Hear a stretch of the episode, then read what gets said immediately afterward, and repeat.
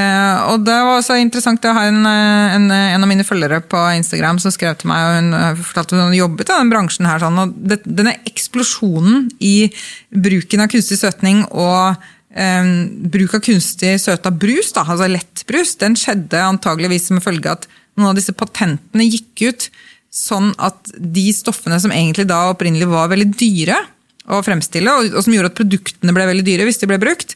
Um, når de patentene gikk ut, så kunne da uh, Kina, f.eks., altså kinesiske uh, sånne um, ja, kjemiselskaper kunne da produsere disse stoffene ekstremt billig, og så ble da de kunstige søtningsstoffene veldig veldig billige. Ergo kunne man lage veldig veldig billig lettbrus, og dermed så bare tok det helt av. Og så har det blitt blanda som et veldig sånn godt alternativ, fordi det ikke er noe energi og fordi det ikke gir noe eh, blodsukkerstigning. Og så har man liksom tenkt at yes, dette her er kjempebra, det er bare å ja, la folket drikke lettbrus, liksom. Mm. Um, og det har blitt frontet som et veldig bra alternativ, eller mye bedre alternativ enn sukkerbrus. da. Um, men så begynner jo nå å komme etter hvert forskning som stiller ganske alvorlige spørsmålstegn ved den oppfatningen der. Mm. Og den oppfatningen står veldig sterkt. Eh, hvis du spør folk på gata om hvorvidt lettbrus er sunnere enn sukkerbrus, er jeg sikker på at eh, nesten alle sammen vil tro at lettbrus er sunnere. Ja. Eh, og sånn er det også i fagmiljøet, og dette er noe som jeg opplever at folk blir veldig sinte på meg når jeg formidler om dette her, for de vil ikke høre at det er noen problemer med lettbrus. Mm. Det er litt sånn ikke si noe, om, ikke si noe stygt om lettbrusen. Lettbrus, og mange også som peker på at ja, men lettbrus er et så viktig verktøy for eksempel, med tanke på å forhindre vektoppgang og få til vektreduksjon osv. Mm. Eh, vil ikke at det skal stilles spørsmål ved lettbrusen i det hele tatt. Eh, men jeg mener at altså, jeg har ikke noe sånn jeg har ikke noen personlig agenda her, sånn. og jeg har tidligere vært en som har drukket masse lettbrus selv. Men når jeg virkelig begynte å gjøre research, så så jeg at ja, det stemmer jo ikke. Altså Det vi sier om lettbrusen, det stemmer jo faktisk ikke.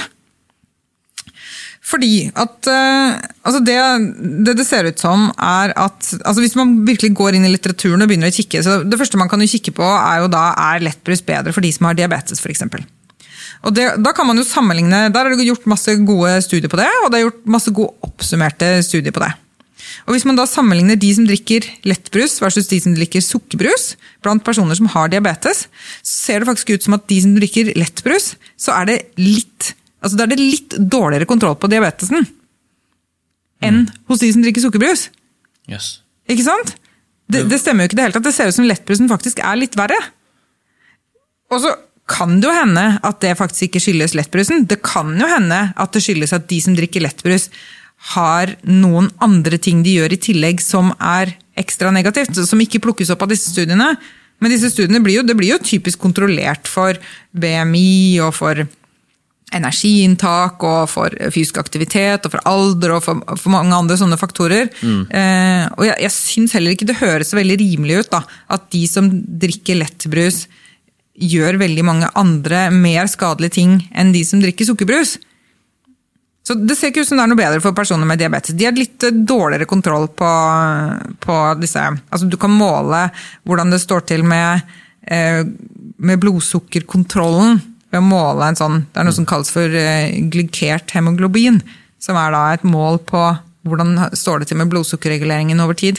Så der er den målingen litt høyere hos de som drikker, drikker lettbrus. Mm. Så der ser det ut som det er ikke noe bedre for det.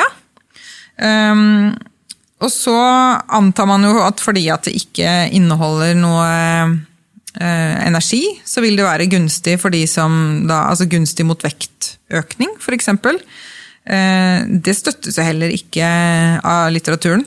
Eh, der spriker det egentlig litt i forskjellige retninger. Det ser ut som at hvis du bruker lettbrus som en del av en sånn større intervensjon. Hvor man da sier nå skal du legge om kostholdet ditt, du skal, eh, du skal gjøre det og det, du skal, ha, du skal få bedre, altså, bedre helsevaner, du skal begynne å trene, du skal gjøre sånn og sånn og sånn, mm. og du skal bytte til lettbrus.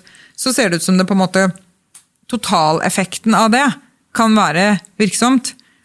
Men hvis man ser på se på folk som drikker lettbrus, da. altså se på disse epidemiologiske eller disse observasjonsstudiene, og se på de som drikker mye lettbrus, så har ikke de noe lavere kroppsvekt enn de som ikke gjør det. Hmm. Så der er det heller ikke noe sånn, det er ikke noe tydelig signal om at det å drikke lettbrus er en god ting for å hindre vektoppgang. Um, og så er det eh, ja, Det er også en, eh, kommet et par interessante studier fra en veldig god eh, sånn kohortstudie som det kalles da, som går i Frankrike. Mm. og der hadde de undersøkt de som da drikker lettbrus versus de som drikker sukkerbrus, og også sammenlignet dem mot de som ikke drikker brus i det hele tatt, eh, med tanke på hjerte- og karsykdom. Og det man så da, var at begge disse brusdrikkegruppene hadde en veldig økt risiko for hjerte- og karsykdom, men den var faktisk høyere i lettbrusgruppen. Yes. Og så kom det også en helt ny studie, jeg mener at den kom nå i 2022, hvor man kobler lettbrus, den samme, den samme befolkningsgruppen, da, hvor man da kobler et høyt inntak av lettbrus mot eh, økt kreftrisiko. Så Det er jo noe av disse studiene som har kommet til i det siste som gjør at jeg mener at vi kan ikke egentlig si noe at lettbrus er et godt alternativ, og vi skal ikke frikjenne det, men det er flere problemer med det. Eh, Og det er, blant annet, eh, altså det er ting vi ikke har undersøkt. Noe av det vi ser er at den lettbrus, altså disse stoffene fra lettbrusen mm, de går jo da over i De går over eh, morkaken, altså de påvirker fosteret i svangerskapet. Og de ser ut til å prege, liksom, de ser ut til å påvirke eh, det ufødte barnet, selv om da barnet ikke er blitt direkte eksponert for disse stoffene. Så det er blitt da indirekte eksponert via mor. Så her har vi studier både på, på mennesker og på dyr som viser den effekten der. At det ser ut som det liksom former barnets metabolisme, da. eh, Og, og preger dem. Mm. Preger dem genetisk, rett og slett. Gjennom denne eksponeringen. Og Det tenker jeg at det, det synes jeg er veldig skummelt, for det er jo noe vi ikke har testet disse stoffene for.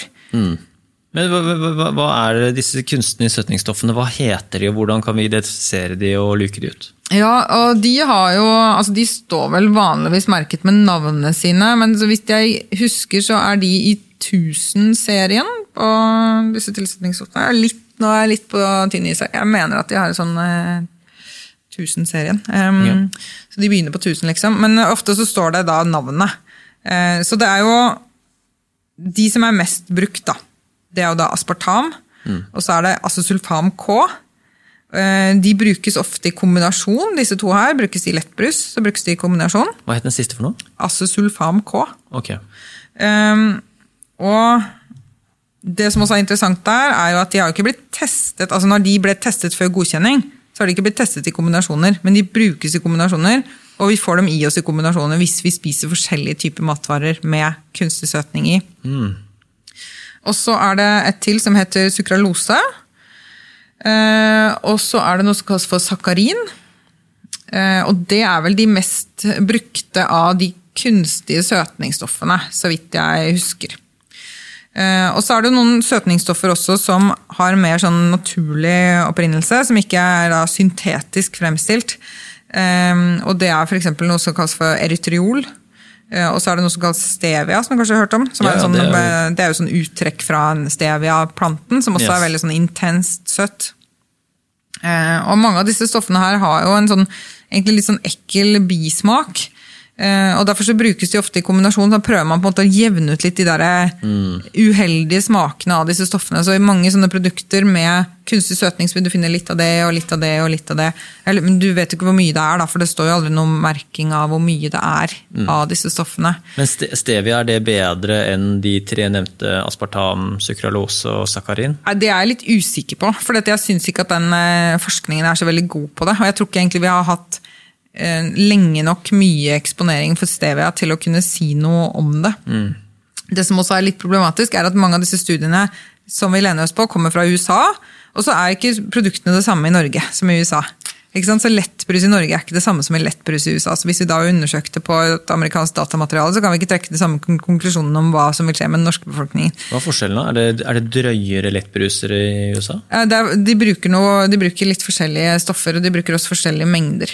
Ja. Mm. Så det, det vil være litt eh, forskjeller der. Er det koffein og sånt? For det er virker som folk er så ekstremt avhengig av Pepsi Max. Eh, Mm. Når jeg først havna på den bagen der, så er de helt sånn obsessed med å drikke det. Ja, um, Det er noe som jeg har tenkt mye på. Hvorfor blir folk avhengig av Pepsi Max og Cola Light? ser Det ut som? Altså, det ser ut som det er disse coladrikkene som folk blir avhengig av.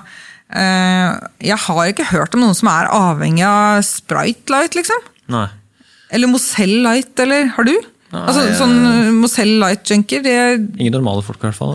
det, det kjenner jeg ikke til. Men det kan godt hende at det også fins, at noen som er det. Men det virker som om det er disse koffeinholdige coladrikkene som har den effekten at folk opplever at de blir avhengig av dem og drikker veldig store mengder. Og det er jo en ganske kjent problemstilling. Altså, alle kjenner vel noen som enten er eller har vært en sånn Pepsi Max-junkie, som, som blir litt sånn stressa hvis ikke de har fått skaffet seg Pepsi Max. og Det er liksom det viktigste er å ha, sørge for at du har Pepsi Max hele tiden. og ja. Drikker det til frokost og drikker det gjennom hele dagen. og Har et veldig høyt forbruk av det. Det er helt åpenbart at det er en avhengighet der.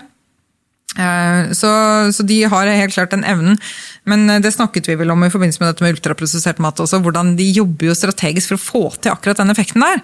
Eh, Og det er jo noe som de også har uttalt til disse, disse, drikke, altså disse brusselskapene. At de jobber med å få så mange storkonsumenter som mulig. De jobber med å få til disse storforbrukerne, fordi de er så forbanna lønnsomme. ikke sant? Det er jo ja. å tenke på liksom at eh, Pepsi Max eh, er blitt så mye større enn på en måte moderdrikken Pepsi Cola. Ja. Eh, og jeg vet ikke hvordan styrkeforholdet er med Cola Zero og vanlig Coca-Cola. Kanskje ikke så stort der, men likevel at Cola Zero og Pepsi Max er blitt så enorme i markedet, det må, jo, må jo bety et eller annet at det er Ja, jeg tror kanskje at, eh, at vi har en såpass stor bevissthet eh, Eller nå sitter jeg egentlig bare og synser. Ja. Det må jeg bare si. Eh, Vi har en ganske stor bevissthet rundt dette her med, med mye sukkerinntak. Ja, kanskje så, så kanskje det er noe av det som gjør at, det, at folk begrenser inntaket av sukkerbrus, for de bare veit så godt at ja, men det er skadelig for meg. Mm. Men så har på en måte budskapet vært at ja, men denne lettbrusen den er jo ikke noe farlig. Det er og det er jo også personer som er liksom i, fremtredende roller innenfor i, altså, helsepersonell, da, som er litt sånn eh, kjente personer innenfor eh, dette her, som har gått ut offentlig og liksom frikjent opptil fire liter eh, om dagen med, med, ja, med sukkerfri brus. Og det, det syns jeg er kjempeproblematisk. At man liksom, når man har den taletiden i media, at man ikke benytter sjansen til å si at vet du det er faktisk vann som er vår tørstedrikk, er og må være vår tørstedrikk. Og det, vi kan ikke si at det er uproblematisk å, å liksom ha et så høyt eh, brusinntak, for det, det veit vi ikke. Vi har ikke undersøkt det godt nok. Um, Det er min eh, påstand, og det støttes jo også av all den nye forskningen som kommer nå, som viser at det, det ser jo ikke ut som at det er uproblematisk i det hele tatt.